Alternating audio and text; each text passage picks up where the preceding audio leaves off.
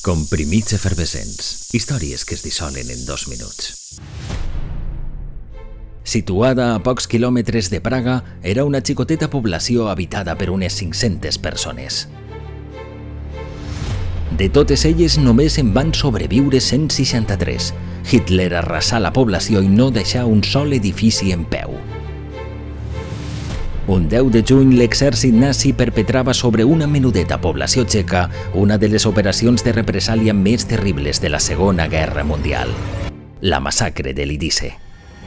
Una població rural però ben equipada per l'època. Disposava de club esportiu, una escola amb dos aules, una oficina bancària, un molí, tres alqueries i unes 100 vivendes particulars. Res va quedar en peu.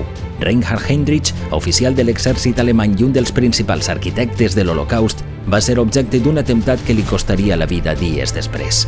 L'ira de Hitler no tingué mesura. Sense apenes proves de la vinculació de l'Idice amb l'atemptat, el dictador va ordenar la seva destrucció completa. Uns 5.000 efectius rodejaren la vila i tancaren qualsevol possibilitat d'escapatòria.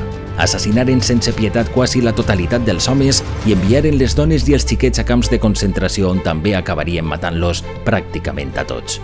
En el poble no queda pedra sobre pedra. Anys després es va reconstruir en una àrea pròxima a les runes de l'antiga vila, on ara s'alça un recinte en memòria de la massacre que avui fa 65 anys, el 10 de juny de 1942.